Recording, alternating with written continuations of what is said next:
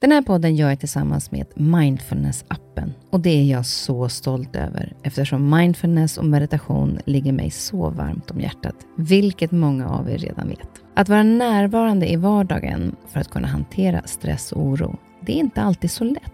Då kan man ha mindfulness-appen nära till hands för att hjälpa dig när du behöver. För mig kan det vara så till exempel när det gäller sömnen, att vissa dagar då har jag riktigt svårt att komma till ro. Framför allt när det är mycket med jobbet. Då brukar jag använda mindfulness-appen och avsluta dagen med en avslappningsövning för att sänka stressnivån.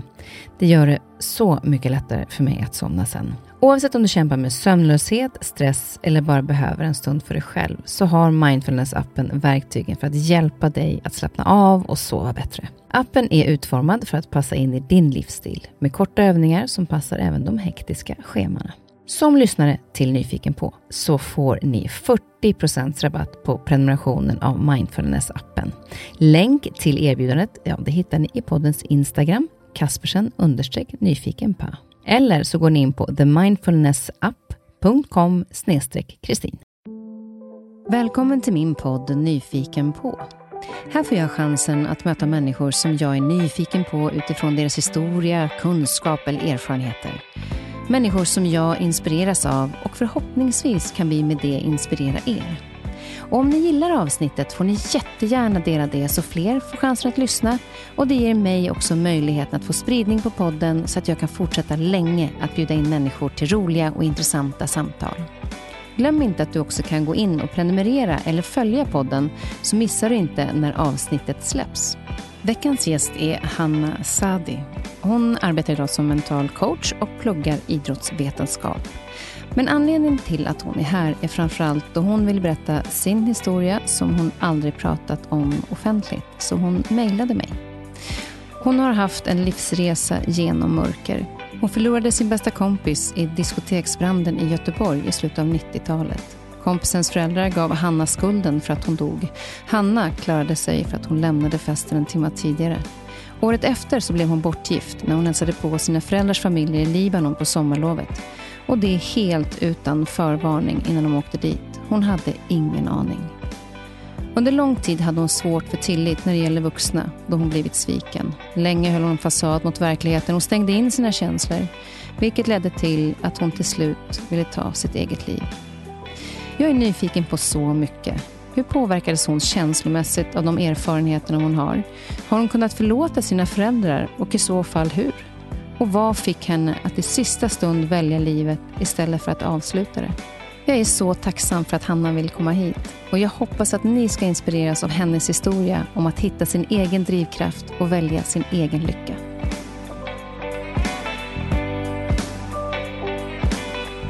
Så nu har du bra va? Yes. Och så har du dig själv bra. Det kan kännas lite ovant, men, men eh, man vänjer sig ganska snabbt, hoppas jag. Ja, men det känns okej. Okay. Det gör det? Ja, ja vad bra. Mm. Välkommen hit, Hanna. Tack. Så fantastiskt fint att du har tagit dig till Stockholm, för du kom från Göteborg. Yes, det stämmer. Åkte tack. upp idag. Ja, åkte upp idag.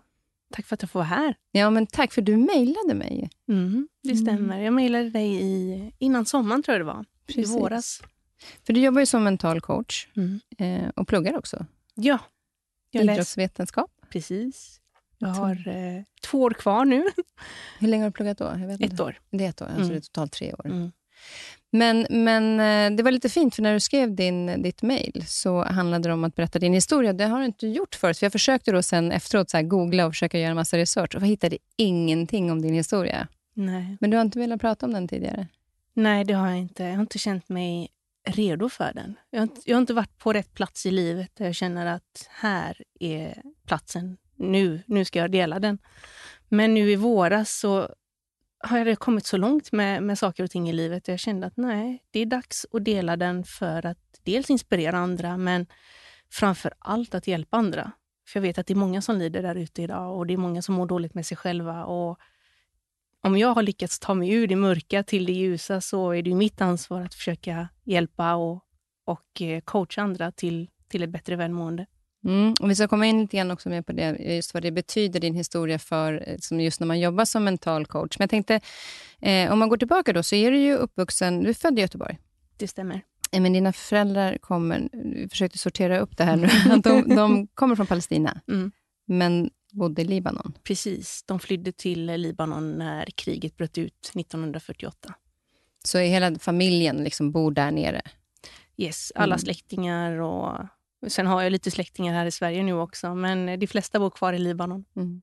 Men, men då, så du är ju född där, så du har vuxit upp på ett väldigt svenskt sätt kan man säga? Oh, nej, det har varit väldigt svenskt under min barndom. För Dels var det att vi bodde i ett väldigt svenskt område. Det fanns inte mycket andra utlänningar att växa upp med. Och uh, Mamma och pappa, när de kom till Sverige, så var ju de den första generationen av invandrare som kom. Så det fanns inte heller så många att, att, att uh, bekanta sig med, mer än svenska kulturen. Vilket är jättefint. För vi fick ju ta del av uh, den svenska kulturen som vi lever idag. Vi firade jul och påsk och åt julskinka och allt sånt där. Vilket kanske det blir lite annorlunda i utlänningarnas ögon när vi lever det svenska livet. Att vi var lite försvenskade mm. när släkten kom sen till Sverige.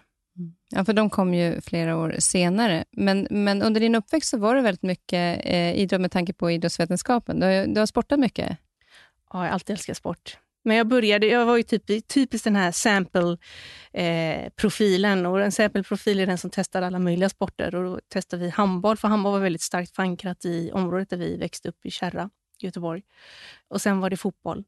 Och sen blev det karate, en individuell sport. Och det var där jag kände att det här är min grej. Kampsport, det var min grej.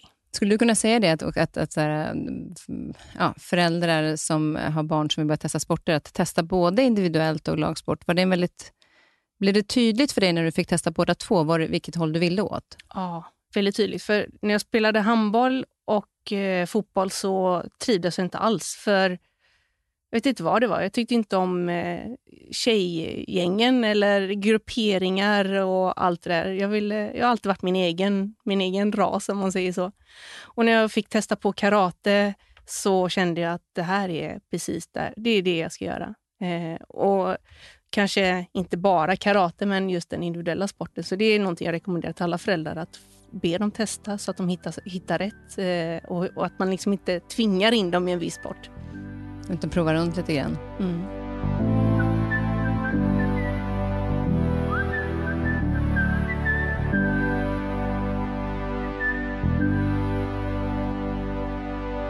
när eh, det sen började egentligen, den, den resan som kanske har påverkat dig i starten, kanske som har påverkat dig till ett mörker, var ju att du och din bästa kompis eh, hörde att alla kompisar skulle på en fest. Ja. ja. Och vad hände då? Ja, detta var ju 98, eh, höstlovet. Vi gick andra ring på gymnasiet. Och eh, på den tiden så fick man inte, eller jag fick inte gå ut när jag ville, utan jag fick ju be om lov eh, väldigt tidigt och, och liksom tjata på mamma. Får jag gå ut den här dagen? Och eh, jag, jag fick äran att gå ut dagen innan på en annan eh, fest som var höstlovsfest. Då. Och då sa mamma, du får välja en fest under den här veckan. Och då sa jag, men då vill jag gå på den här på onsdagen. Då. Så brandfesten då, som den nu då har döpts om till, eh, var på torsdagen.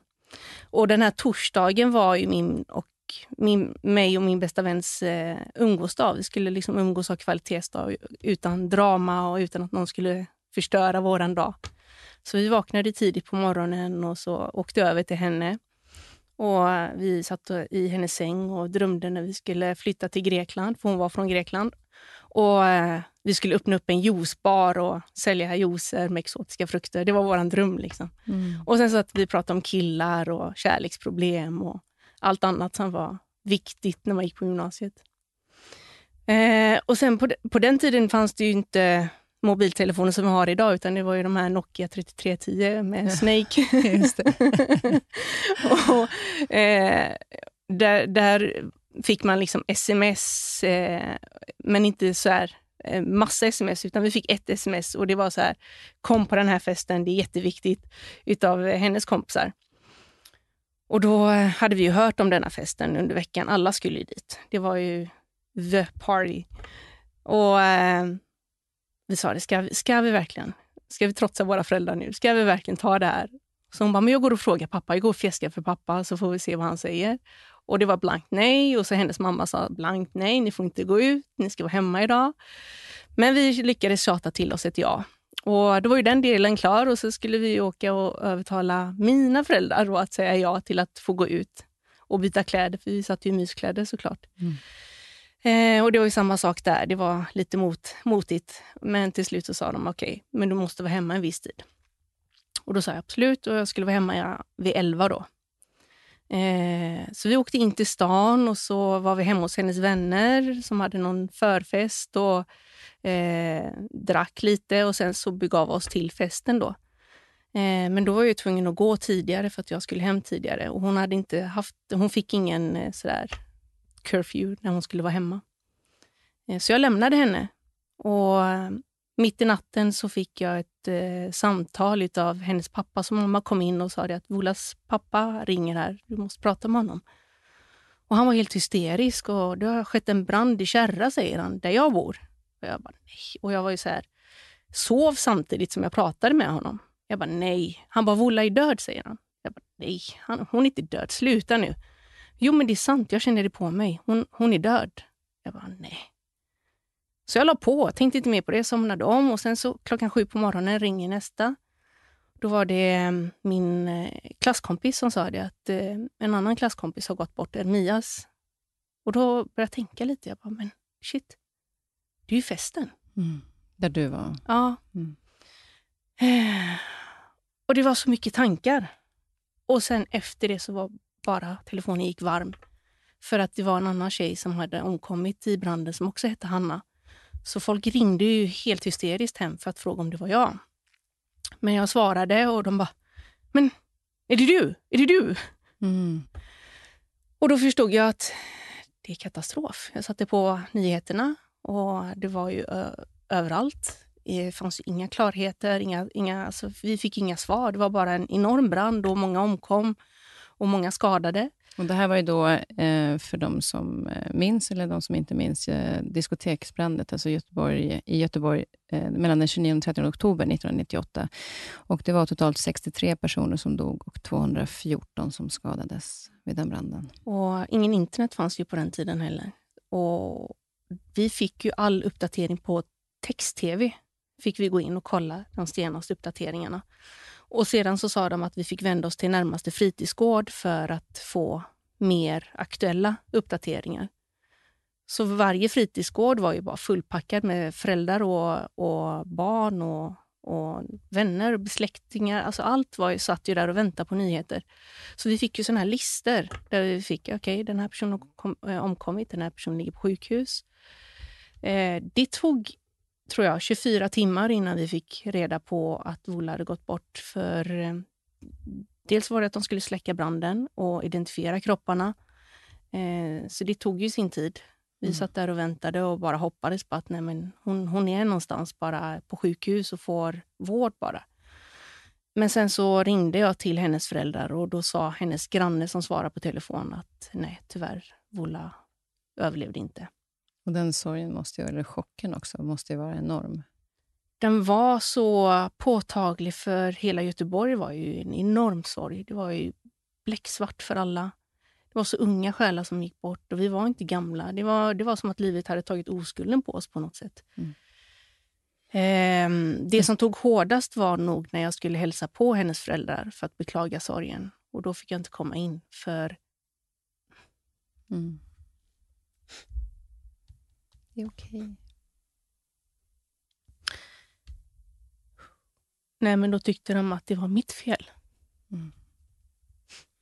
Det var för att ni hade då övertygat om att ni skulle gå dit? Eller? Mm.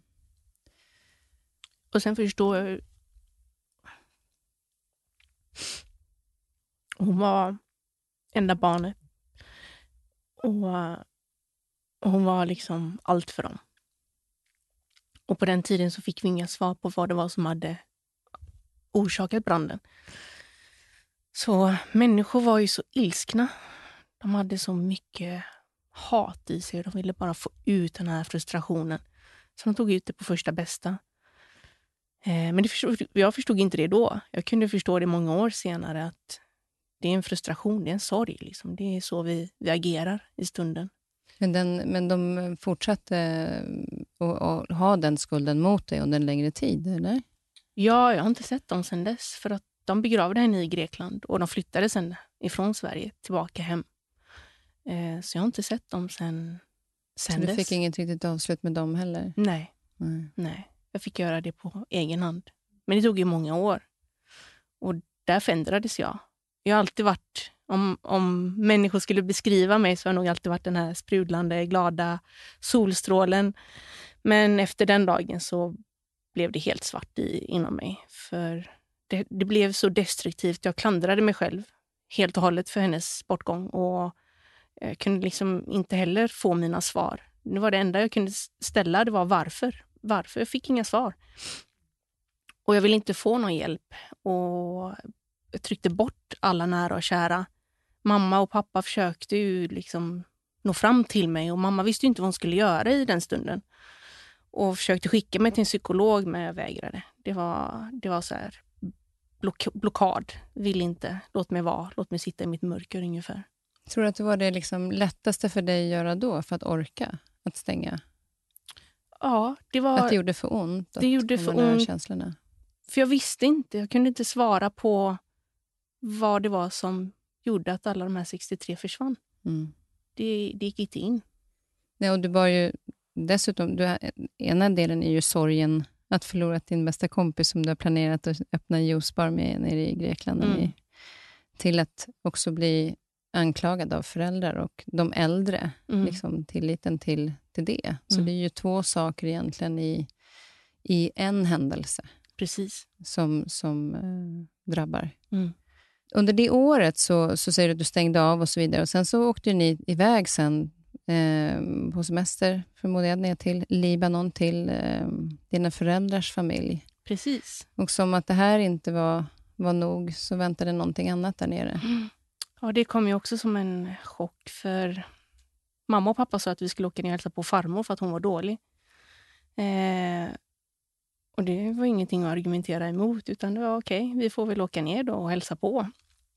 Men när vi väl kom till flygplatsen så stod ju hela släkten där radade och var jätteglada. Och jag tänkte, vad är det som händer? Varför är ni glada? Och alla kommer fram till mig och säger grattis och gratulerar och blommor och jag vet inte vad. Jag tänkte, vad, varför jag? Jag, jag fyllde år för ett tag sedan. Det, vad är det som händer? Och jag märker att mamma och pappa blev väldigt obekväma och det blev jätt, jättekonstigt. Så helt plötsligt kommer en, en kusin fram till mig. Och bara, vi ska gifta oss, säger han. Va? Nej, det ska vi inte. Jag tittar på mamma och hon bara ignorerar mig iskallt. Och pappa undvek och han var ju mitt uppe i med släkten och tittade inte alls på mig. Jag trodde att det här kommit till min största mardröm i livet. Det kan ju inte stämma där. Absolut inte. Eh, så för mig var det så här, okej, vi åkte till, eh, till den byn där de bor. Jag tänkte, det kan inte stämma. Det, det, nej, det är ett skämt liksom. Och sen när vi kom hem till min moster där vi skulle bo så gratulerade hon mig och grattis och äntligen och du ska gifta dig. Och Så alla visste? inte alla du. visste, jag visste ingenting. Senare fick jag reda på att mamma och pappa planerat detta i två år bakom, bakom min rygg och inte sagt någonting överhuvudtaget. Och varför gjorde de det? I efterhand nu då så var det väl att pappa kände en skuld gentemot sin storebror. För det var ju min farbrors eh, son jag skulle gifta mig med. Att eh, pappa har kommit till Sverige, har det jättebra, han har det gott ställt och bra karriär. Medan hans storebror är kvar i Libanon och, och kämpar. Så att de vill också ha en del av kakan. Och då tänkte de att om jag gifter bort min son till din dotter så får min son det bra i Sverige i alla fall. Och jag tror att pappa agerade på skuldkänsla gentemot sin bror men han tänkte inte på konsekvenserna, hur det skulle drabba mig. Men från och med den dagen så förlorade de sin dotter och det, det tog många år innan jag kunde komma till att förlåta dem eller se dem som mina föräldrar igen. För det blev bröllop där nere då? Det blev bröllop och inom islam så man skriver på ett papper med en imam och det är imamen som viger oss och det blir som att vi blir gifta i svensk lag. Så i paniken där, jag tror tredje dagen, så ringde jag min stora syster min stora syster åkte inte med oss till Libanon. Och hon var kvar i Sverige för att hon var tvungen att jobba. Och hon är tio år äldre så att folk Mm. inte undrar. Ja. Barnarbete liksom. Ja.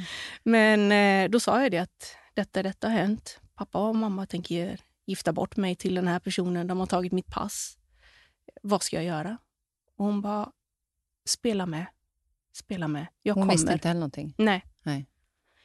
Jag kommer så fort jag kan. Eh, så när hon kom så sa hon till mig, hon bara sätt på det största Colgate-leendet du kan. För vi är inte på vår spelmark här nu. Alltså, vi kan inte spela efter våra regler. Vi tar det när det kommer till Sverige. Och hon var ju den enda personen jag kunde känna trygghet till och tillit till. För mamma och pappa hade svikit mig. Mm. Och min lilla syster var för liten och min bror, ja, vad skulle han säga eller vad skulle han göra? Liksom? Så jag spelade med. Vi gick och valde guld och hade en stor fest. Du hade den fulaste bakelseklänningen man kunde hitta. Liksom. Eh, det var så surrealistiskt att sitta där och se alla gäster komma och gratulera. Och förstod inte att det här hände. Det var, det, jag levde i en mardröm. Jag, jag bara väntade på att någon skulle väcka mig och säga att är det är över. Men det var inte det. Så efter tre månader så åkte vi hem igen. Och Då eh, fick vi eh, ansöka om att han skulle komma till Sverige. Och Det tog ett halvår ungefär. Och under det halvåret så kunde jag inte leva så som jag ville göra, eller så som jag gjort innan. Jag fick eh, hårdare regler. Jag skulle leva upp till den här personen som var gift. och Jag skulle ta emot våra gäster på ett vuxet sätt, 18 år. liksom.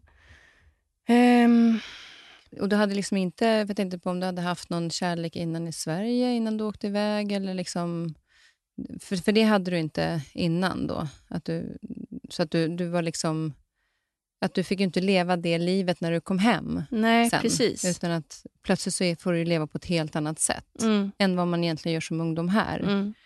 Som att du, ni skulle leva tillsammans. Ja, vi skulle leva tillsammans. Och jag förstod inte vad agendan var, för jag förstod verkligen inte vad, vad var nästa steg. Okej, om ni skulle hjälpa honom till Sverige, men vad sen då? Ska jag leva med honom? Och det var de inte tydliga med heller. Nej. Sen när han kom till Sverige, då bodde han ju med oss hemma hos mamma och pappa. Och eh, ingenting fysiskt hände ju mellan oss. Inget sexuellt eller sådär, utan det, allting var ju bara på papper och utåt gentemot folket och kulturen att nu är jag gift. Men eh, ingenting där vi skulle leva som, som partners. Men det var ändå att han inkräktade in på mitt liv och förstörde mitt liv ändå. Och när han kom, de behandlade honom som en kung, som att han vore viktigare än allt annat och, jag, och de behandlade mig som skit. Men hur klarade du den här tiden? Jag vet inte. Jag vet inte. Det var som att, vem, om jag inte har min familj och mina föräldrar, vad, vad har jag då? Vad ska jag ta vägen? Jag visste inte. Men en dag så fick jag, jag fick nog för det gick så långt att han, han stal från mina föräldrar. Han stal guld och pengar. Och när mamma och pappa kom, upptäckte detta så la han skulden på mig. Så jag fick ännu mer skit hemma. Så jag ringde till eh, polisstationen, närmaste polisstation. Och jag kom till en magisk man. Jag har, jag har inte träffat honom, jag har bara pratat med honom på telefon. Eh, och jag la, la korten på bordet och berättade vad som hade hänt. Att jag blivit bortgift och det här och det här har hänt. Um, och han bara, säg, säg inget mer. Jag, jag, jag löser detta. Lita på mig. Dagen efter så var jag i skolan och då hade han, den här polisen, med eh, en annan kollega kommit och knackat på hemma och hämtat honom, den här mannen jag var gift med. Och åkt med honom till Landvetter, satte sig på ett plan med honom till Beirut. Och när de landade på Beirut så var det exil. Du får inte komma tillbaka till Sverige. Otroligt. Vilket, Ja. alltså, att möta den polisen som lyssnar, och det är många poliser som gör såklart, men Ja. att, att för dig i den situationen när du inte har någon annan som du vågar lita på, mer än kanske din syster, Mm. att det sker så snabbt.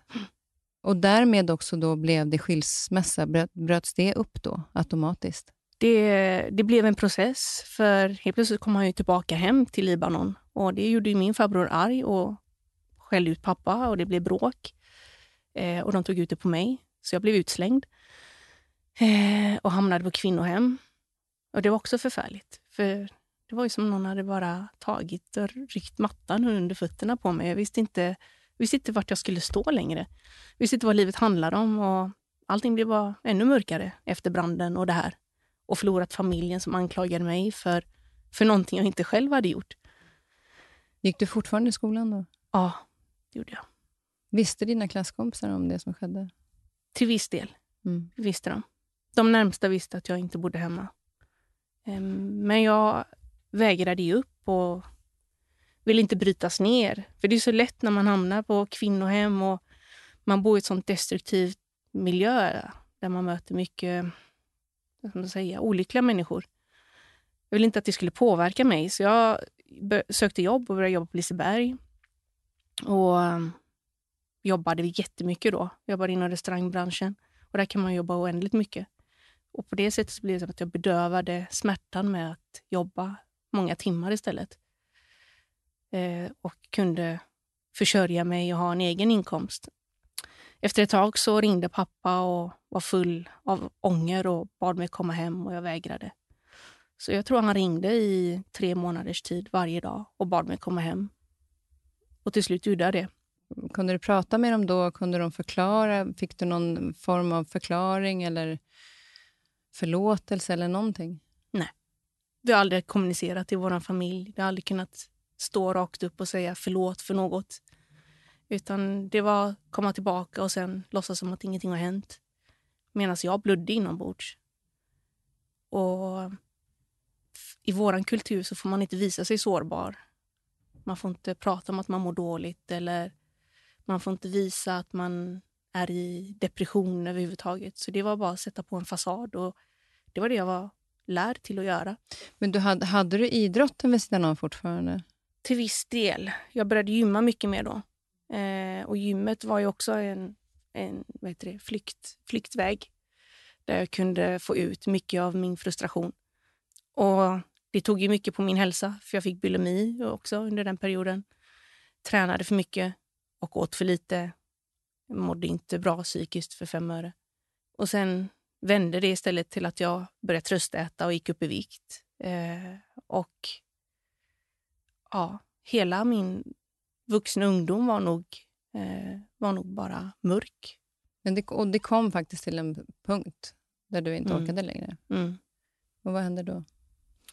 Det gick så långt att jag hade tryckt in så mycket i många år och inte bearbetat trauman eller sorgen eller någonting. Utan jag gick runt och tyckte illa om mig själv och klandrade mig själv. Och till slut blev det att den här situationen som jag fick vara med om med familjen var att jag klandrade mig själv där också. Att jag inte var en bra dotter och självbilden var ju bara trasig. Och det är ju så när man bygger en fasad så rasar ju den till slut. Det, den håller ju inte för man bygger inte den med en stabil grund.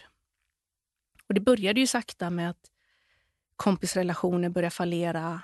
Eh, killar eh, gick inte bra med kärleken. Jag tränade MMA under en period, den perioden också. Eh, allting på klubben bara gick åt helvete rent ut sagt. Så allting började ju rasa sakta men säkert. Och jag visste inte hur jag skulle upprätthålla min ekonomi. I min tröst av allt det här så vände jag mig till... Många har ju olika beteenden. Jag vände mig till shopping och shoppade väldigt mycket. Och till slut blev det så mycket kredit att jag inte, liksom, det gick inte att hantera. Och jag hade byggt upp en sån fasad att jag var så rädd att folk skulle genomskåda den. Att de skulle se den riktiga Hanna. Den usla, fula Hanna som jag såg. Och inte den här roliga festprinsessan och flashiga kläder. Ehm, men när den eh, fasaden började ramla av, då klarade inte jag mer. Och då började jag tänka på att det finns bara en utväg. Jag vill inte leva mer. För jag, jag hade inget syfte längre. Jag kunde inte förstå varför jag skulle leva. För att jag var en sån dålig människa. Och jag gjorde... Jag började isolera mig mer, dra mig undan mycket mera. Jag tror mina föräldrar började märka att det är någonting som inte stämmer. Jag bodde själv då. Så det var ju lättare att, eh, att eh, isolera sig och, och dra sig undan. Och gå ingen in. som ser hela ditt beteende. Nej. Mm. Vänner runt omkring började ju märka att det är någonting som inte stämmer, men de kunde inte sätta- sätta fingret på vad. Ehm, jag hade ett flyktigt beteende. Jag kunde säga att jag skulle träffas, men aldrig dök upp. Eller Eh, jag var inte närvarande när vi väl umgicks. Så det blev att det liksom gick i en nedåtgående spiral och blev värre och värre. Och jag började utforska då hur man skulle ta sitt liv. Och Det sjuka var på den tiden fanns det en hemsida där det fanns, jag tror den hette suicide.com. Allting fanns där. Hur man skulle gå tillväga? Ja, allt. Det är helt sjukt. Den, ja, helt sjukt verkligen nu när, äh, efterhand att den ens fick vara uppe så länge. Jag fick all information där, jag gjorde all research på vilket sätt som var enklast då. M mest, eh, eller som man säga, eh, mest smärtfritt. Mm. Och jag bestämde mig också för att göra det någonstans där jag är långt ifrån alla andra. Och fejkade att jag skulle på en träningsresa till Thailand. Och det kom helt hastigt. Så det var så att mina föräldrar kände att va, vadå träningsresa? Med vem och hur? Eller va? Och så att jag ska träna med klubben och vi ska, vi ska träna inför tävling och så vidare. Eh, och jag bestämde mig att ska jag dö, då ska jag dö på en vacker plats.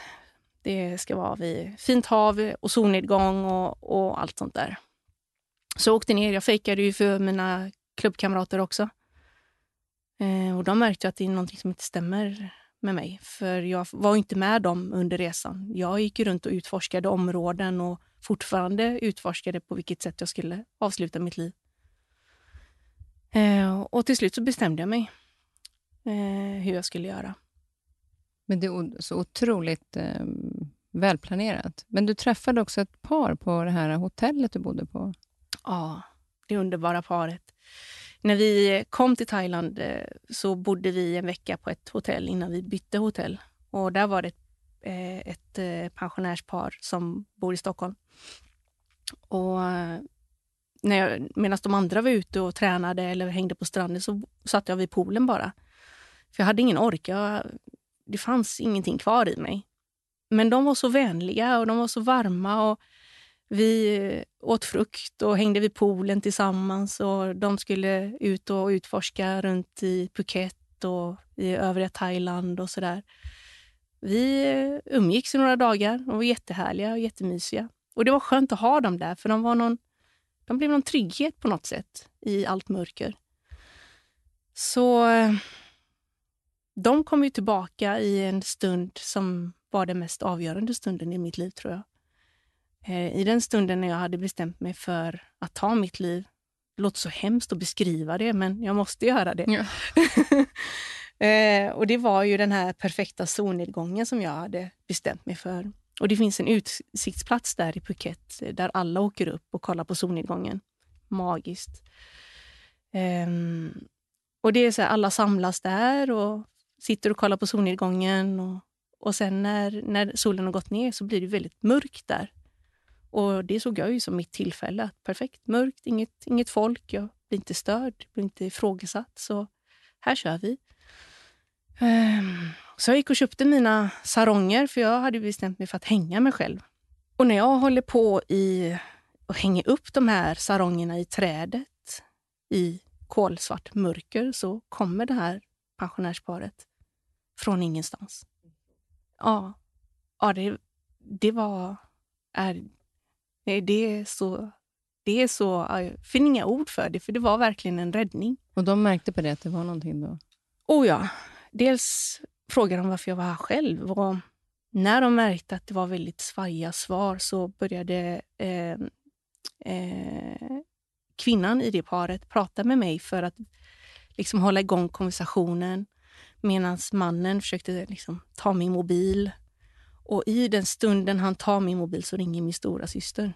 Och Han pratar med henne och säger att vi tror att det är någonting som inte stämmer.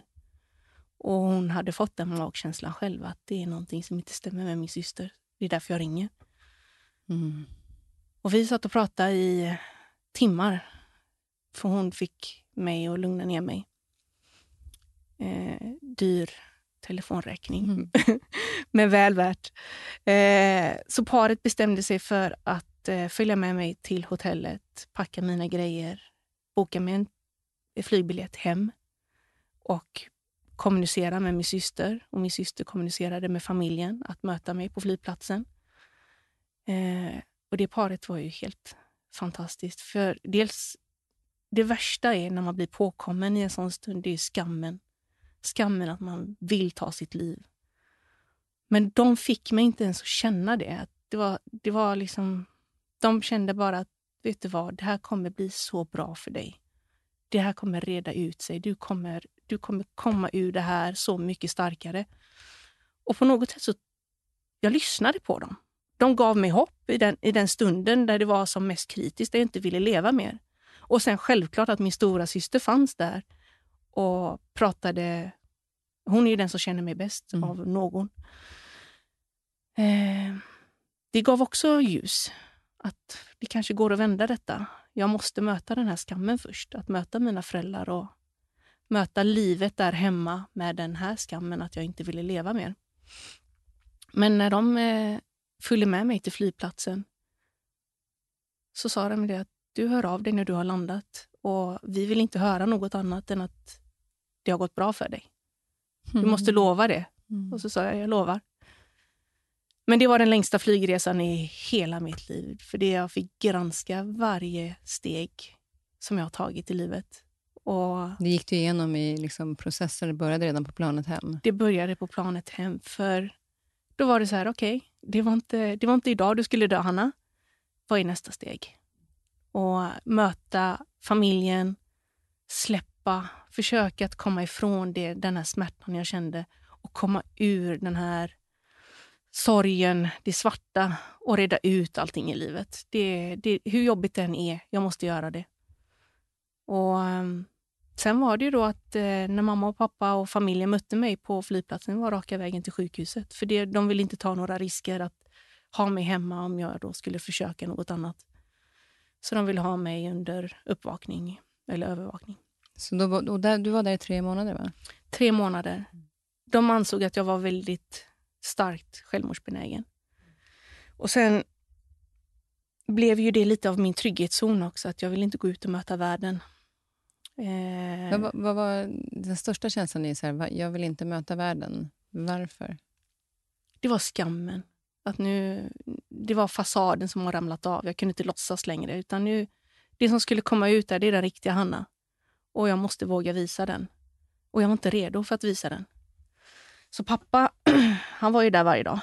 Han kom varje dag. Och, då, då, och det är ändå fint med tanke på den historien ni har med dina föräldrar, så, så var han där varje dag? Ja, och det är en sida jag aldrig sett av pappa. För pappa är en väldigt fåordig människa, visar inga känslor. Eh, men när han väl visar känslorna så vet jag att då är det allvar eller då är det på riktigt. Eh, för han, han visar verkligen sin ånger och kärlek. Han, ånger till det, allting han har gjort, självklart. Men också hur mycket kärlek han har till sina barn. Och det var väl lite det jag behövde. Jag behövde ha bekräftelsen från familjen. att Älskar de mig eller älskar de inte mig? Eller ville de ens ha mig överhuvudtaget? Och när pappa kom varje dag, det var... Det är någonting jag aldrig kommer glömma, tror jag. Det är någonting som berörde mig väldigt djupt. Och höra orden “jag älskar dig”, för det har han aldrig sagt innan. Men han kunde förstå eh, hur trasig jag var. Och han visste också att pappa är en väldigt stark människa. Han är ingen person som ger upp lätt. Och han ville väl också ta fram de egenskaperna hos mig som han vet finns där. Så han tog ut mig varje dag eh, och började med små steg åt gången och hålla mig i handen och gå till Pressbyrån, handla någonting och sen gå tillbaka till sjukhuset. Ja, så det blev som en träning? Precis. Och dagen efter så tog vi en liten längre sträcka än dagen innan. Och sen så blev det då successivt. En dag sen, precis innan jag blev utskriven, så hade vi vandrat eller promenerat från Sahlgrenska till stan då och tillbaka. Och då kände jag att all right, jag kan nog, jag kan nog ta det steget nu och komma hem och börja terapi och, och börja den resan. Mm.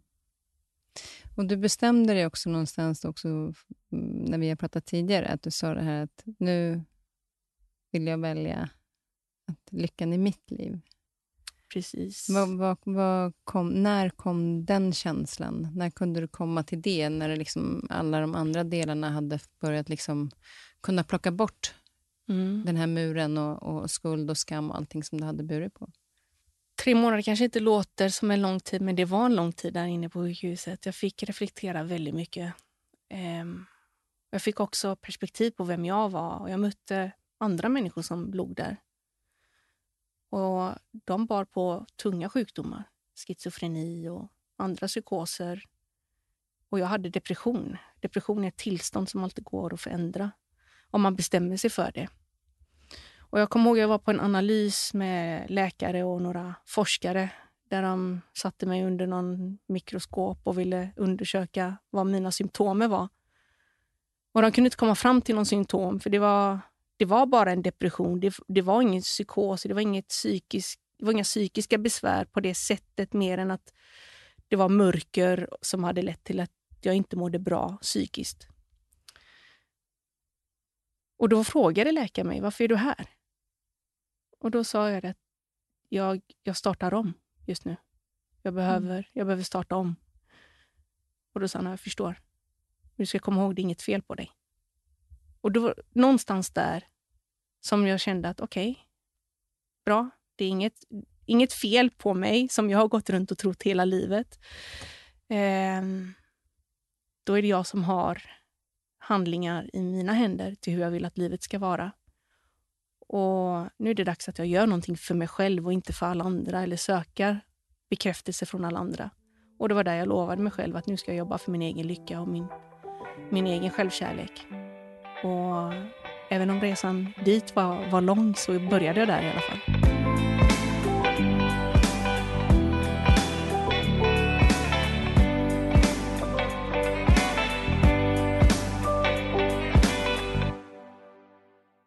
Men du, då fortsätter du terapi för att kunna liksom bygga upp den om man ska säga självkänslan kanske, för det var väl den som var, alltså för den du, Hanna, är, mm. som du behövde stärka upp? Precis, och det var KBT-behandling som jag fick gå eh, och hos en underbar terapeut. Och Det är också någonting där du och jag har pratat om, det är människorna man möter på vägen som får en signifikant betydelse i livet. Och hon är en, en, en av de personerna som, som betyder mycket för att hon, hon gav mig en grund att stå på som jag sedan kunde bygga vidare på. Där jag fick lära mig det här enkla att säga nej. Det kunde jag inte göra innan, för jag skulle vara en people pleaser. Jag skulle göra alla andra nöjda och inte tänka på mig själv. Så jag fick uppgifter av henne som jag skulle ut och liksom göra i verkliga livet. Och så, nej, jag vill inte det här. Och säga ifrån och sätta begränsningar. Det var det hon lärde mig. Och det var jättenyttigt, men skitsvårt. Mm. För när man har varit en people pleaser så är man ju så van att göra andra nöjda. Och nu skulle man göra dem besvikna genom att säga ifrån eller inte göra som de vill eller inte ställa upp på samma sätt. Så det tog ju också lite att och det intressanta tycker jag också är att, att vi, vi tänker att folk blir besvikna mm. eh, och att de inte, jag gör inte det de förväntar sig. Men många gånger så har de ju inte förväntat sig och de blir inte besvikna. Utan mm. Det är någonting man själv också har byggt upp. Eh, för att de, om de ställer frågan om du ska hjälpa till och så kan du inte, nej men mm. okej, då får jag fråga någon annan. Men i ens egen värld så tror man att de blir besvikna.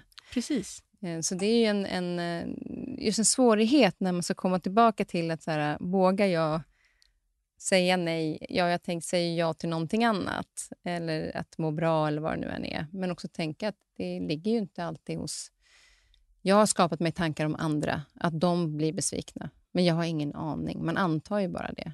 Man antar för att man är så tom inombords och man söker deras bekräftelse för att fylla upp det där tomrummet. Eh, och det är, det, och det, är mm. det som gör att man känner att man inte räcker till i andras ögon. För att man får, man får inte den bekräftelsen för att fylla det där tomrummet som man själv ska fylla, men man söker en extern bekräftelse hela tiden. Så det, på, i, den, I det perspektivet blir det att du säger nej till bekräftelse mm. också, mm. som du så gärna behöver själv. Ja. Ja, den är intressant alltså, att titta på. Det var mm. okänt vatten och det var så här, vem, vem är jag nu? Om jag nu säger nej och inte får den här vem, vart, vart ska jag få den ifrån? Och det var där successivt jag fick lära mig att bygga upp min självbild, men också kärleken till mig själv, att lita på mig själv. Hitta andra sätt att bygga upp min interna eh, bekräftelse på något sätt, där jag inte sökte den, yt den yttre. Men du, du gick ju och fick hjälp och eh, kom på fötter, kom tillbaka. Och Sen har du också blivit mental coach. Mm. Blev det automatiskt så för att du märkte själv vad som kunde hända, alltså vad, vad, din egen erfarenhet kring mental hälsa och din resa? Att du sökte dig till det?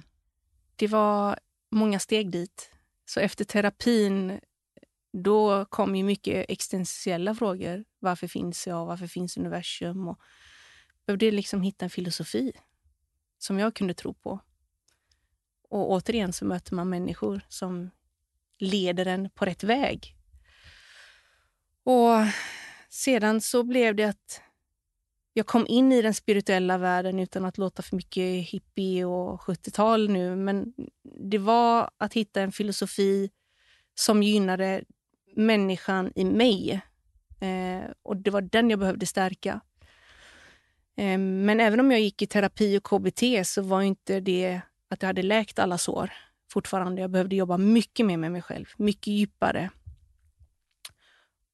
Och jag träffade alla möjliga coacher på vägen som ledde mig framåt i den personliga utvecklingen.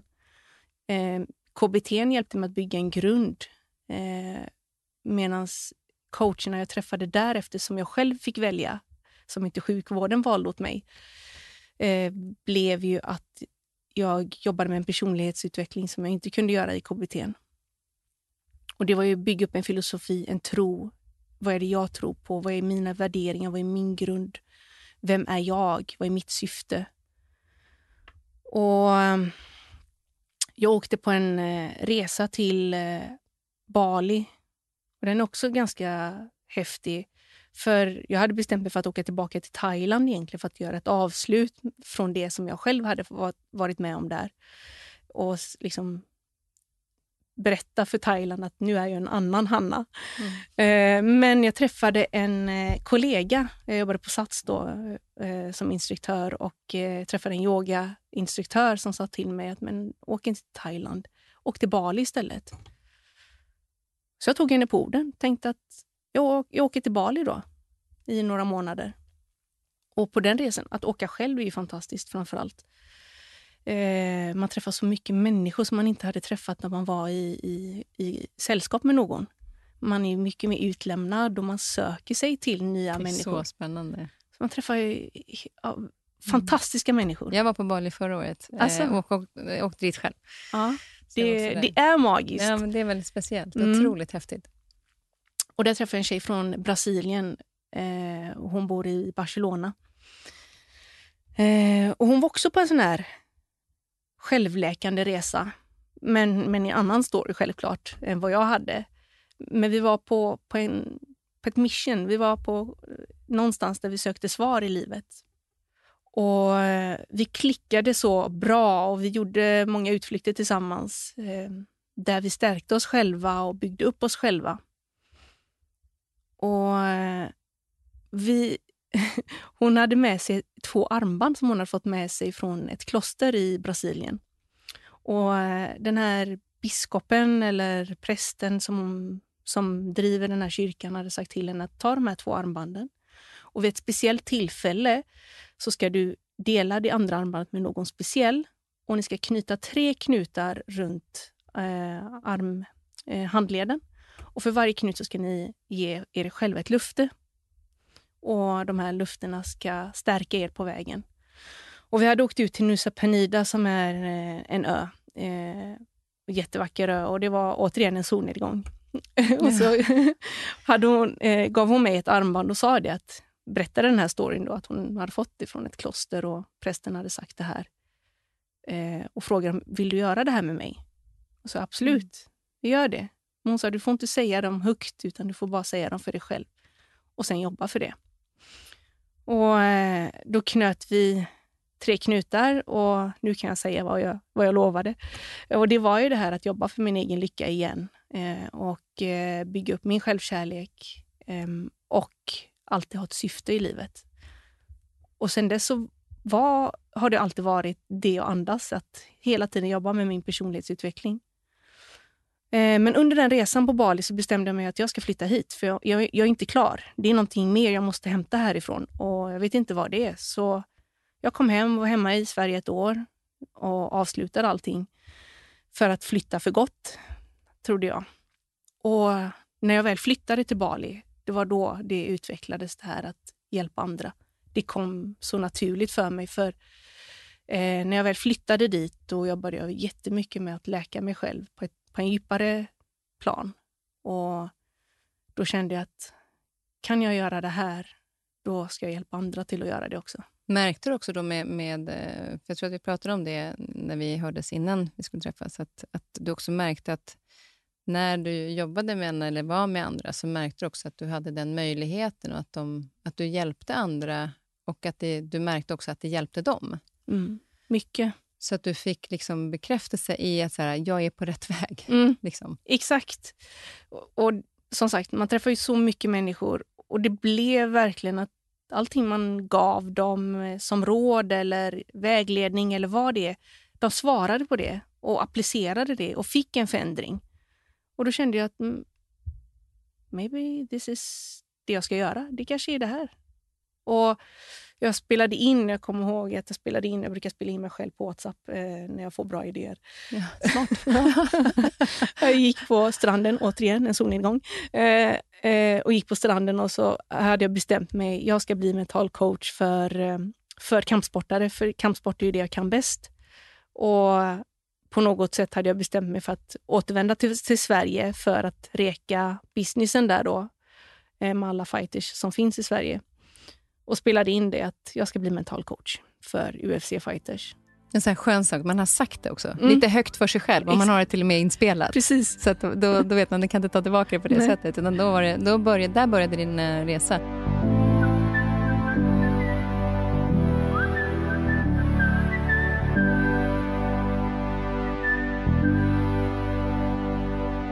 Men vi ska också hinna med lite kort, eh, innan vi går in och pratar lite grann om, om coaching i slutet eh, och lite mental hälsa. Det finns ju också en fin historia kring, din, eh, kring kärleken. Just det. eh, och, eh, det vill jag säga också då att pensionärerna har du fortfarande kontakt med, oh, vill jag säga, från Thailand, för det är så himla fint. Så man, de, det kändes som att de försvann nu ett tag, kände jag, men, men ni har fortfarande kontakt. Så det är en stor kärlek där och det är härligt att höra att du också får en annan eh, upplevelse av solnedgångar idag? Att den kunde gå från det till eh, att du har gjort så många fina saker vid solnedgången som eh, ger dig en annan minnesbild. Liksom. Verkligen. Men du träffade också kärleken, men det var inte helt smidigt. Nej. Mitt i att hitta sig själv? Mitt i att hitta sig själv och en väldigt bestämd eh, Hanna som hade... Jag bestämt mig för att flytta, ingenting skulle komma min väg. Det var innan du flyttade till Bali? Precis, jag hade kommit hem från min resa till Bali och bestämt mig då, nu ska jag fullfölja det här och flytta till Bali. Och vara hemma ett år. Och det året var nog eh, ett år av alla möjliga tester. För jag tror att livet ville testa hur mycket jag ville flytta till Bali. Eh, och kastade så mycket hinder på vägen för att se om jag skulle vika mig eller hålla fast vid planen. Så det började med att jag fick eh, eh ge upp min lägenhet. Och Jag var i min Dalai Lama-fas där och jag vet inte, tänkte att jag ska ge allting. Så jag gav bort allting i min lägenhet.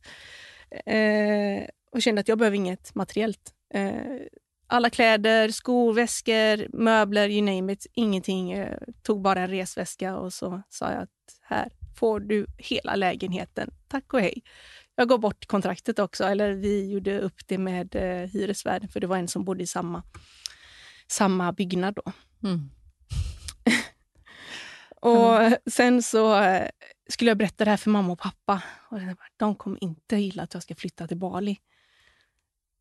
Men eh, de var inte så emot det. För en gångs skull så var mamma så här, jaha, okej. Okay. Jag tänkte, va? Men, vad är min mamma? Du brukar alltid ha en negativ åsikt. Men hon sa, känner du för att göra det och det är det du behöver göra, så gör det. Vi finns här. Och det gav mig så här förtroendet. Okej, okay, jag är på rätt väg nu då. Det här kommer gå skitbra det här året. Men sen så fick jag ett jobberbjudande och det, det var så här... Det var för bra för att vara sant, för det var verkligen bästa jobbet. Det var ett projektjobb och jag skulle jobba med ett rymdprojekt för NASA och det var jättekomplicerat och grym lön. Allting som skulle locka det här materialistiska. Och så pratade jag med en kompis då och vi var på samma, samma resa fast hon skulle flytta till Miami och jag skulle flytta till Bali. Och Hon sa det till mig. Hon bara, men jobb finns ju alltid. Bali, här, den chansen kommer du aldrig få om du inte tar den nu. Och så, men det är ett bra jobb, jag menar, det är karriärsmöjligheter. Bara, men är det det du söker nu? Nej. Nej, då tackar du nej. Okay. Ja, det är så coolt att, våga, att göra det. Det är verkligen att försöka gå tillbaka till sig själv. Så att du testade sig ordentligt. Man testar sig på ja. sin trygghet. Det är det. Man försöker rubba tryggheten och det är så lätt att falla tillbaka i sina mönster som man känner igen. Men mm. att bryta mönstret och skapa nytt, det är det som är det svåra. Och sen så, jag har en, en vän som han är som en bror för mig. Och Han har alltid varit en storebror och ska alltid ge mig råd och jag ska lyssna på hans ord. Och han har väldigt stort inflytande än idag i mitt liv. Och Han var inte för att jag skulle flytta. Han slutade prata med mig och tänkte att nu lämnar du oss och det gillar inte jag. Hej då.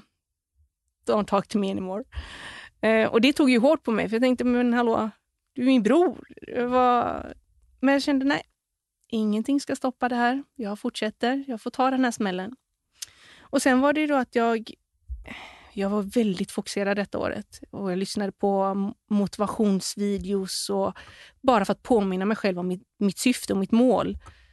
Och, och jag bestämde mig bara för att jobba stenhårt och spara pengar och, och inte socialisera mig. Eller, och inte se kärleken. inte träffa kärleken. Så jag började avlägsna mig från vänner och jag var ju väldigt, eh, jag var en arbetsnarkoman för jag kände att om jag blir distraherad då kommer jag komma ifrån mitt mål, så det går ju inte. Men sen så kom vi till min födelsedag då, 10 juni och mina vänner sa det att men vi måste ut. Vi kommer inte få de här stunderna sen. Du fyller år, vi går ut och käkar, vi tar en drink. That's it. Sen får du gå hem och du får jobba, jobba sen. Det, för du jobbade extra då under den här tiden för att få pengar också till att åka? Mm. Exakt. Mm. Eh, och jag bara, all right, vi går ut, vi tar, vi tar en middag och en drink och så vidare. Så, sen så försökte de, men vi går till den här nattklubben, Port Soleil, sommarklubben också. Det var en, en drink. Ah, Okej, okay, vi går dit. Och där var det ju så komiskt, för alla man kände var ju där. Det var en sån dag där alla var ute. Och det kändes som my goodbye party på något sätt, fastän jag inte skulle åka än. Men det var människor jag inte hade sett på jättelänge. Och så gick vi fram och hälsade på vänner och där eh, blev vi presenterade för en kille eh, som var glad. Han stod med två drinkar och drog massa skämt. Tänkte, vad är det här för filur? Tänkte inte mer på det. Och sen under kvällen så ser jag någon i ögonvrån liksom, som tittar på mig. Man känner sig mm. iakttagen. Mm. Så jag tittar, vänder mig om och då står han där med världens leende. Bara, och så kommer han fram och frågar, kan vi prata lite? Absolut, det, det, får du gärna göra. Det är inte många som vågar komma fram till mig, så eloge till dig. Så eh, vi stod och pratade och sen så kom det så mycket människor som ville prata och hälsa, så vi blev avbrutna ganska mycket. Eh, och sen så kom det fram en, en kille, Axel, som jag har jobbat med när jag jobbade med fotbollen. En gammal målvakt för Gais. Jag hade inte sett honom på jättelänge.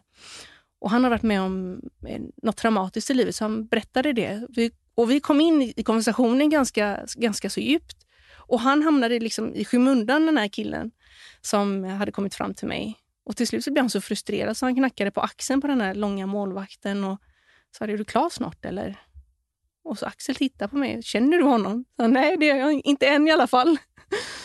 Han bara, men då ska jag lämna dig. Förlåt, det var inte meningen att, att, att avbryta er. Men kvällen led mot sitt slut så han frågade efter mitt nummer. Och, och eh, efter två veckor hörde han av sig och frågade om vi skulle gå på en dejt. Eh, och då tackade jag ja. Och den dejten var ju magisk. Och det var ytterligare en sån här grej där jag tänkte att livet, du testar mig igen nu ska kärleken komma utav alla dagar i, i veckan. Men du stod fast och åkte till Bali i alla fall? Mm, jag gjorde det. Och andra dejten sa jag till honom att eh, det här kommer inte funka. Hur mycket jag gillar dig och du är jätteskön, men jag, jag flyttar om några månader, så jag, jag är inte ute efter att, något seriöst. Men vi fortsatte att träffas under den perioden fram tills jag åkte. Och han var okej med också, han förstod just att du ville ju liksom göra den resan för dig. Precis, och han ville inte stå i vägen. Han, han, han var verkligen uppmuntrande till att jag skulle åka. Men det var ju självklart svårt att lämna. För oss båda. Men han kom tillbaka, han kom till Bali? Han kom till Bali. Han tog sin långa resa. Han verkar väl lika envis som du? en aning, ja, fast ja. lite mer. Ja. eh, och Han kom med förhoppningen att jag skulle åka med honom hem då. Men jag sa nej. Jag, jag kommer stanna, jag är inte klar. Jag måste, jag måste fullfölja den här resan tills jag känner att jag är klar. Så jag krossade hans hjärta där. Eh, han åkte hem med tårar och helt förstörd. Och Det var det jobbigaste jag någonsin hade behövt göra att såra en människa som jag inte vill såra. Mm. Men jag var tvungen att välja mig själv i det läget. För jag hade inte gjort det innan. Jag har alltid valt andra. Men nu var det min tur. Men coolt ändå att stå fast i det, även om kärleken då, den är ju en ganska stark känsla. Mm. Eh, att ändå fortsätta lyssna på dig själv. Men sen kom du tillbaka hem, för du var ju tvungen att, att, jobba lite, som jag förstår, för att kunna åka tillbaka sen igen, eller? Precis. Jag var ju här för att träffa fighters som jag skulle jobba med mm. i Stockholm. Eh, och han hade ju då upptäckt eh, att min inloggning på Whatsapp hade förändrats. Från... Jag tycker den är så gullig. ni förstår att vi har pratat tidigare, jag och Anna, lite grann genom den här historien. Men att, att han har koll på Whatsapp eh, om du har kommit till tidszonen i Sverige. Alltså, snacka om att ha koll på vad du är. Det är, det är kärlek, måste jag säga. Det är så himla fint. Så det hade han koll på. Och när han såg att det var svensk tid, då pratade, hin, äh, pratade han in ett röstmeddelande på Whatsapp och frågade om vi kunde ses bara för att få ett avslut och, och kunna gå vidare. Och jag tänkte att det förtjänar han verkligen. Han behöver få ett avslut för att kunna liksom få de svaren för att kunna gå vidare och släppa in någon annan. Men när vi träffades så var det som den första dejten. Det var som två magneter och bara poff sa det. Och jag hamnade i ett läge där jag kände, vad ska jag göra nu? jag skulle inte stanna här. Men på ett sätt så kände jag att jag var faktiskt klar med Bali. För jag gjorde den resan jag behövde göra med mig själv. En, en otrolig resa. Så vi bestämde oss för att ge varandra en chans och vi förlovade oss. Och förra året så gifte vi oss och nu väntar vi tvillingar. Nej, det är så fint. det är tredje eller fjärde gången jag är på väg att börja gråta under den här intervjun. eh, men det är så otroligt häftigt när man också lyssnar till den resan du har gjort och eh, få de utmaningarna när man själv har bestämt att så här, lyssna på sig själv och så träffar man verkligen den kärleken och att du ändå står fast i att åka dit och han är kvar. Ja. Liksom. Det tycker jag också är så här, att han ställer sig inte i vägen. Han gör ett försök att få dig hem. Okej okay då. Och sen när han ser på WhatsApp klockan att du checkar in. Alltså vilken kung han är. Ja, han är fantastisk. Ja. Och nu ska ni ha barn i slutet på... September. Kanske på min födelsedag. Ja, ja, 30, när blir det? 30 september. Det är då. Ska jag tänka lite extra. Alltså, du har ju så fin mage. Jag trodde knappt att det var tvilling. Nu är det här i mitten av augusti som vi spelar in. Men eh, kommer in en strålande glad Hanna här med världens finaste mage.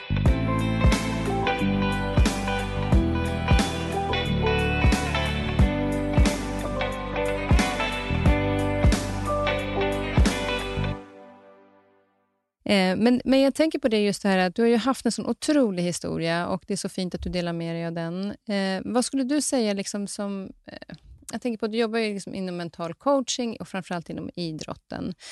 Eh, det jag tycker som har varit lite den röda tråden också ibland igenom, det är att du har mött människor under vägens gång som också har lagt märke till att du kanske inte har mått bra eller liksom sett dig där och då. Mm. Eh, när det gäller du som också varit då inom idrott såklart, vad tycker du att om man tänker på föräldrar till exempel då med sina barn. Det är ju så, enligt statistiken i alla fall, att psykisk ohälsa ökar och det är väldigt mycket med de yngre. Vad kan vi föräldrar och också andra vuxna, för det kan ju dyka upp någon annan vid sidan av som inte kanske är en förälder. Men vad kan vi ha för liksom, se för tydliga tecken på att det kanske inte står rätt till? Hur ska man agera i de situationerna, just oavsett om det gäller eh, när barnen spelar idrott eller håller på med någon idrott, eller är på skolan eller med kompisar. Finns det någonting som du tycker så här, man kan skicka med att titta på det här eh, och följ det en period? Barn är ju fantastiska. Men oftast är de så rädda för att öppna upp sig för att de själva tror att det är de som har gjort fel. Eller någonting, att de har gjort någonting för att orsaka att de inte mår bra vilket gör det svårare för föräldrar eller vuxna att nå ut till dem. Men något som jag kan dela med mig av er erfarenhet, det är när en förälder eller en vuxen visar att jag finns här, även om inte du är redo för att prata eller om inte du känner för att prata just nu, så finns jag här när du vill prata. Bara den tryggheten ger så mycket till ett barn i stunden. Att inte känna sig ensam eller utsatt eller, eller att, vad ska man säga, att man är en dålig människa. Att det finns någon som bryr sig. För det tror jag är det viktiga, att de får känna någonstans en connection med någon där de vet att okej, okay, jag är inte redo nu för att prata, men det finns någon som bryr sig om mig. Och Barn visar det på olika sätt. Antingen så brister de ut eller så drar de sig undan eller de agerar på någon annan. Så tips till föräldrarna är att hålla utkik på beteenden, förändring av beteende. Hur är mitt barn när hon eller han kommer hem från skolan eller idrotten? Eh, när de berättar saker, lyssna på vad det är de berättar. Eh, för där finns det svar oftast. Och Det tänker jag eh, också på när du säger med lyssna. För det är ju väldigt lätt, kan jag tänka på och få nästan hejda mig själv. Nu har jag blivit bättre på det, men nu har jag också pluggat lite ledarskap och lite sån coaching. Så att, men det är ju att vi vill ju dem så väl, så man nästan går in och berättar vad de ska göra, eller så här var det för mig när jag var liten, eller så här gjorde jag. Men, men det kanske viktigaste är att lyssna istället, för att det visar att det handlar om dig, det handlar inte om mig. Även om man inte vill att de ska känna sig ensamma. Så hur tänker du kring det? Hur mycket ska vi, liksom, ska vi fråga dem? Vill du ha råd så kan du fråga mig. Eller vill, hur ska man liksom försöka få fram den grejen så man inte pratar över dem utan låter dem få prata själva? Jag brukar säga till eh, mina närstående att du får vara psykologen i detta, inte föräldern. För som förälder så vill man ju så mycket. Man vill ju inte att ett barn, sitt barn, egna barn ska må dåligt och då vill man gå in och överkompensera för mycket. Men att försöka lyssna och inte vara så partisk. Det är jättesvårt som förälder. Man är ju partisk oavsett. Men att inte försöka vara det utan lyssna på situationen och kanske följa med på en träning eller följa med till skolan någon dag. Bara titta lite på beteendet för att kunna själv få eget perspektiv på en händelse. Men också skapa rutiner, alltså safety zone. Precis som när vi går till en psykolog eller coach så har vi ett rum eller vi skapar ett utrymme, vi skapar en tid. Här sitter vi och pratar. Att man gör sig bekväm med det, att man gör det som en återkommande grej. Att mm. eh, En gång i månaden så sitter vi här och pratar. Och Det kan vara ute på en trappsten och dricka te till exempel. Eller någonting där det är igenkänt, att man känner igen sig i en trygghetszon. För det gör det lättare att slappna av. Och att nu vet de att de träder in i sin trygghetszon och här kan jag prata utan att någon ska bli arg på mig. Mm. Och just det här som du säger, när man sitter på ett trappsteg, då tittar man inte på varandra. Nej. Utan man tittar eh, rakt fram. Och då blir det ju, säger man att det ofta blir lättare också att man pratar om till exempel när man sitter i bilen, mm. än att någon sitter och stirrar på, eller så här, tittar på Precis. en och förväntar sig att man ska säga saker, utan att man sitter kanske bredvid eh, och gör någonting eller tittar bort, så, så blir det kanske också lite lättare. Precis. Samma sak med en promenad. Det är mm. också lättare. Ja, precis. Men en, en, annan sak som jag tänkte på, om man tittar på din historia när det gäller eh, någonting som jag tror att många kan ha svårt för, och jag har haft svårt för tidigare, hur man hanterar de situationerna, det är ju förlåtelse. Mm. Eh, hur har du hanterat Eh, förlåtelse och acceptans, kan man väl säga. Hur har du hanterat det, sveket från dina föräldrar, till exempel? Hur har du kunnat hantera den situationen kring dem? Har du förlåtit eller har du accepterat? Både förlåtit och accepterat, tror jag. Men jag tror man måste ta tid att bygga upp sig själv först. Att bygga upp sin egen självbild och sin egen självkänsla innan man kan ta det steget att förlåta någon annan. För om man inte har reparerat det som är skadat här inne så blir det att man försöker hitta någon annan att ta, ta smällen för en. Och det var ju först när jag började jobba med mig själv som jag kunde ta ett kliv tillbaka ifrån situationen av sveket som hände i Libanon och börja titta på mina föräldrar som individer och inte som mina föräldrar. Och se vad är det de har varit med om eh, i sitt liv. Vad är, det, vad är det för tankesätt de har? Vad har de för värderingar? Vad är, vad är deras kunskap? Vad, är det, vad har deras föräldrar lärt dem som har gjort att det är ett arv som har gått vidare till mig? Och Det var ju först när jag började se dem som personer och inte som mina föräldrar som jag kunde förstå handlingen. Jag kanske inte kunde eh, som stryka ett streck över det som har hänt, för det har ändå format mig till den jag är idag. Det, det finns med i min, min, min historia. Men jag kan ju framför allt se dem med mer respekt och inte se mig själv i ett offerläge där jag satt och klandrade att alla andra gör dumma saker mot mig, utan jag ägde upp mitt liv istället för att skylla ifrån mig på det, på andra. Och Det var lättare när man fick en distans, Mycket. Eh, att kliva ifrån det en bit. Mm. Eh, för någonstans också kan det bli lite grann eh, det här när, när man är arg på någon och besviken på någon så går man ju och mal den känslan inom sig fast de har ingen aning om egentligen vilken känsla som du går med. Men som var tydligt för dig var att du frätte sönder dig själv. Alltså det blev att man drack giftet själv mm. istället mm. för den ilska man har på någon annan. Det var nämnt tidigare i podden i tidigare avsnitt. att Många kanske kan ha svårt att förstå att, att man kan förlåta en sån sak mm. eller kan acceptera en sån sak. Men, men vikten av att göra det gör ju dig fri. Mm. För det är ju det, friheten. Det är ju, jag tror det är det alla vill kämpa för i livet. Att få en frihet eller söka sin lycka i livet som är frihet. Och det, det går endast att göra när man kan se situationen i ett större perspektiv. När man kan se på en individ, en annan individ som har orsakat en smärta hos en själv. Se på den kunskapen som han eller hon besitter och de kanske är begränsade med sin kunskap. De kanske inte har lärt sig bättre. De kanske inte har fått bättre verktyg i livet. Och varför ska vi klandra dem eller hålla det emot dem? Det är bättre att säga att okay, jag har mer kunskap, jag har en bättre erfarenhet. Då är det mitt ansvar att förlåta den personen. Även om de inte... För ibland kanske de inte ens säger förlåt, för att de vet inte hur de kan göra, ska göra. Och de kanske är fyllda med skam och klarar ja. inte av det. Eh, så att inte sitta och vänta på förlåtet, utan välja det själv. Precis. Och den, är ju, den kan ju vara svår, men den är ju fantastisk när man väl har gjort det och det har fungerat. För att uh, känna fri. Det finns ett avsnitt uh, i podden där vi pratar om sorgbearbetning med, uh, med en fantastisk Anders Magnusson. Mm. Där vi pratar just om många olika saker, men det ligger ju just i en sån bearbetningsprocess. Mm. Att sorgbearbeta, att, att förlåta till exempel. Mm. Och att man inte alltid kan förvänta sig att få ett förlåt. För det var väl inte det som dina föräldrar sa i det första taget? Nej, precis. De har inte sagt förlåt. Eller mamma har nog inte sagt förlåt än idag kring det. Eh, men vi har ju lyckats bygga en relation ändå. Eh, för att jag har valt att sätta ett avslut på den händelsen. Och Jag tror att det är det som är det viktiga, är att komma till ett avslut. Att processa den situationen som har varit, det traumat. Vad var det som hände? Hur kände jag? Eh, vad var det som orsakade detta? Varför? Få svar på alla de här frågorna för att sedan kunna liksom case closed. Nu går vi vidare. Eh, för om man inte gör det, om man inte processar det, bearbetar, så kommer det hela tiden förfölja en resten av livet. Och det, det, det är vi inte värda, utan vi är värda att vara lyckliga och fria.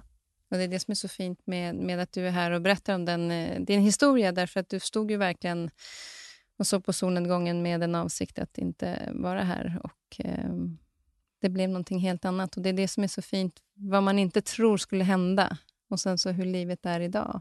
Precis. Och Jag brukar säga det till alla personer jag träffar och jag coachar eller vägleder. Det är ingenting man, man bara säger eller att man trycker på en knapp, utan man behöver jobba för det. Och det jobbar dagligen. Och det är inte så, man kan inte läsa en bok och säga att nu har jag läst en bok om personlighetsutveckling och så har man till, tagit det till sig. Utan det är någonting man behöver jobba med hela tiden och det är oftast väldigt svåra utmaningar man behöver möta. Det är eh, tuffa situationer man behöver ta sig igenom för att komma starkare igenom den eh, på andra sidan. Och eh, Det är oftast det som är den svåra biten i personlighetsutveckling. Det är att ta tag i sig själv. Det är att tro på sig själv och finna mod. För det är det många saknar när de väl ska börja resan. Och sen, eh, just som du säger med träningen, vi hade Johannes Hansen här som är coach, han pratar just om det här, man jämför ofta med en PT, att det är klart att om du ska bli starkare så måste du ju träna. Men i början kanske en två kilos vikt är tung. Mm. Och då får du jobba med det. Och sen märker du att den är inte tung längre. Nej. Utan då går man till nästa steg. Så att ju mer träning, man blir ju starkare på vägens gång. Men att det gäller ju att göra jobbet. Precis, och träning är ju ett fantastiskt redskap där man får bekräftelse ganska, ganska så snabbt. Att när man väl har gjort ett träningspass så eh, är man hög på endorfiner och man vet att man har klarat av någonting som man kanske trodde var jobbigt. Eller någonting, att man, man gick till gymmet fastän att man inte ville gå till gymmet. Och det bygger också en självkänsla. Så träning är ett jätteverktyg för att kunna förbättra sin psykiska ohälsa. Så det, man har ju den, den, eh, den fysiska träningen, men att den är väldigt lik den mentala träningen, eller om man säger samma sak. För att det är ju ändå, eh, den mentala träningen är ju också att lyfta Eh, om man då jämför bara, lyfta vikter. Mm. Eh, och precis som med att lyfta vikter så tränar du så blir vissa saker lättare. Som när du gjorde när du till exempel gick ut från, eh, från när du var, låg inne på sjukhus i tre månader. Steg för steg. Första gången var det jätte, jättejobbigt. Det var som att lyfta en enkilosvikt. Mm. Liksom. Men sen gick det lättare Precis. till nästa steg och ja. nästa steg. Och, och, det är så med livet. Mm. Och när jag sitter med mina klienter så jobbar vi inte med eh, små mål utan vi jobbar med syftet i livet. Och hur ska vi nå det? Och det stora syftet är ju jätte, en jättevision som man kanske tittar på och blir jätterädd för att det är så långt ifrån och man vet inte alls hur man ska nå den. Och Många vågar inte heller drömma eller se stora saker för att de tror inte att de är värda eller att det kommer hända. Mm. Men någonstans måste vi sätta den grunden. Att vi, vad är det du vill egentligen? Vad, vad vill du? Vad, vad, är det du drömmer om som du inte vågar dela högt med andra? Och sen så måste vi försöka börja beta ner den. Och när jag sitter med, med atleter så är ju träningskarriären en del av det. Det är inte hela bilden, utan det finns ju något utöver eh, karriären i livet som man ska uppfylla också.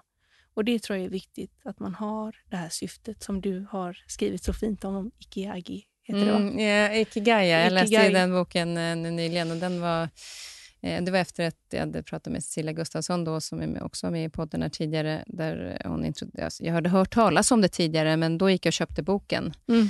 Och Där är liksom fyra beståndsdelar som då går i varandra. Och Det är ju vad jag älskar, vad jag är bra på, vad världen behöver och, vad, och det jag kan tjäna pengar på så jag har råd att leva. När de, två, när de fyra sitter ihop så får man i mitten ett ikigai, ett syfte. Precis. Och den är ju, det kan jag känna nu till exempel när det kommer liksom en ny säsong och projekt kommer in och så tänker jag så här, ska jag ta det eller ska jag inte? Då tittar jag så här, okej, okay, är det någonting jag verkligen tycker om? Är jag bra på det? Mm. Behöver världen det här? Mm. Eller, och Det gör det mycket lättare att sortera ibland. För det är ju, som du säger när man får de här utmaningarna när du skulle flytta till Bali. Mm. Det är ett jättebra jobb, ta det här. Mm. Ja, fast vänta nu, var var jag någonstans? Mm, exakt. I den här förvirringen i att liksom hålla fast för det man någonstans har lovat sig själv. Yeah. Så det finns ju olika metoder. Eller prata in på, på WhatsApp-meddelanden till sig själv. kan man också göra. det kan man också göra. Så fint att ha dig här. Nu är jag lite bara nyfiken så i slutet på vad är du nyfiken på? Ja, bra fråga. Eh, livet skulle jag nog eh, uttrycka det som. Efter allting jag varit med om så finns det ingen dag som är lik den andra och man är alltid nyfiken på morgondagen om man får vara så lycklig att få uppleva den. Men det finns så mycket man lär sig och man tror att man har lärt sig så mycket i livet men det är inte ens en procent av vad, vad vi ska lära oss tror jag. Så att, eh, mm, nyfiken på livet med så lite begränsningar som möjligt, tror jag tycker jag var ett fantastiskt bra avslut på det här avsnittet. Nu ska vi ta och fika lite grann. Jag frågade faktiskt Anna, då, som jag gör med alla gäster, vad de vill ha för fika. Men då tyckte du att jag skulle bestämma det. Vad var tanken då? Men det, det brukar alltid säga ganska mycket om, eh, om värden eh, som håller eventet eller eh, bjuder gästen. Mm. Vad de bjuder på. Det har varit en salig blandning idag. jag ser det. Men det ser gott ut. Men det är också så här, för att jag är så, eftersom jag inte äter gluten så är jag alltid noga med att det, det finns någonting för alla. Oavsett ah. som. Men, men nu har du att välja på. Det är både morotskakor, muffins, råfodboll och chokladboll. Eh, och lite Smaskigt. lemonad såklart. Vi ska ta och fika lite igen och till avslutet så ska vi eh, lyssna på musik. Mm. Vilken låt har du valt? Jag valde Michael Jackson, Remember the time. Den, är, den går aldrig att tröttna på. Nej, det är så skönt med såna låtar. Ja, verkligen. Och som man blir glad över. Om man, om man vill veta mer om dig och kanske ja, men ta kontakt med dig för man känner att man kanske vill ha mental coaching eller vad det är så, var hittar man dig då? Man hittar mig antingen på Instagram, mm. eh, där heter jag Hanna Sadi, eller på min hemsida sadixperience.com där det finns workshops att eh, anmäla sig på och delta för att jobba med sin mentala utveckling. Så spännande. Nu ska vi lyssna på Michael Jackson. Tack fantastiska Anna. Tack själv. Tack. Så Tack.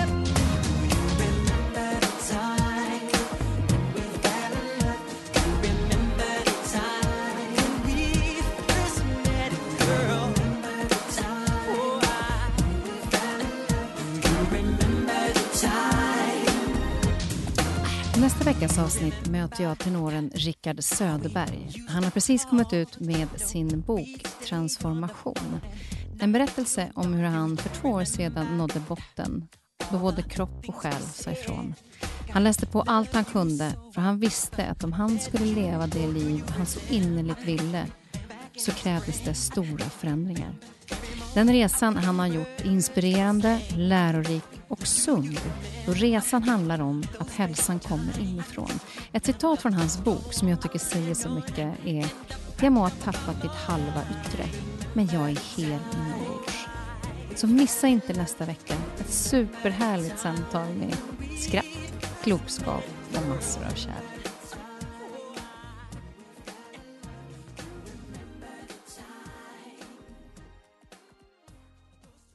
Den här podcasten är producerad av Perfect Day Media.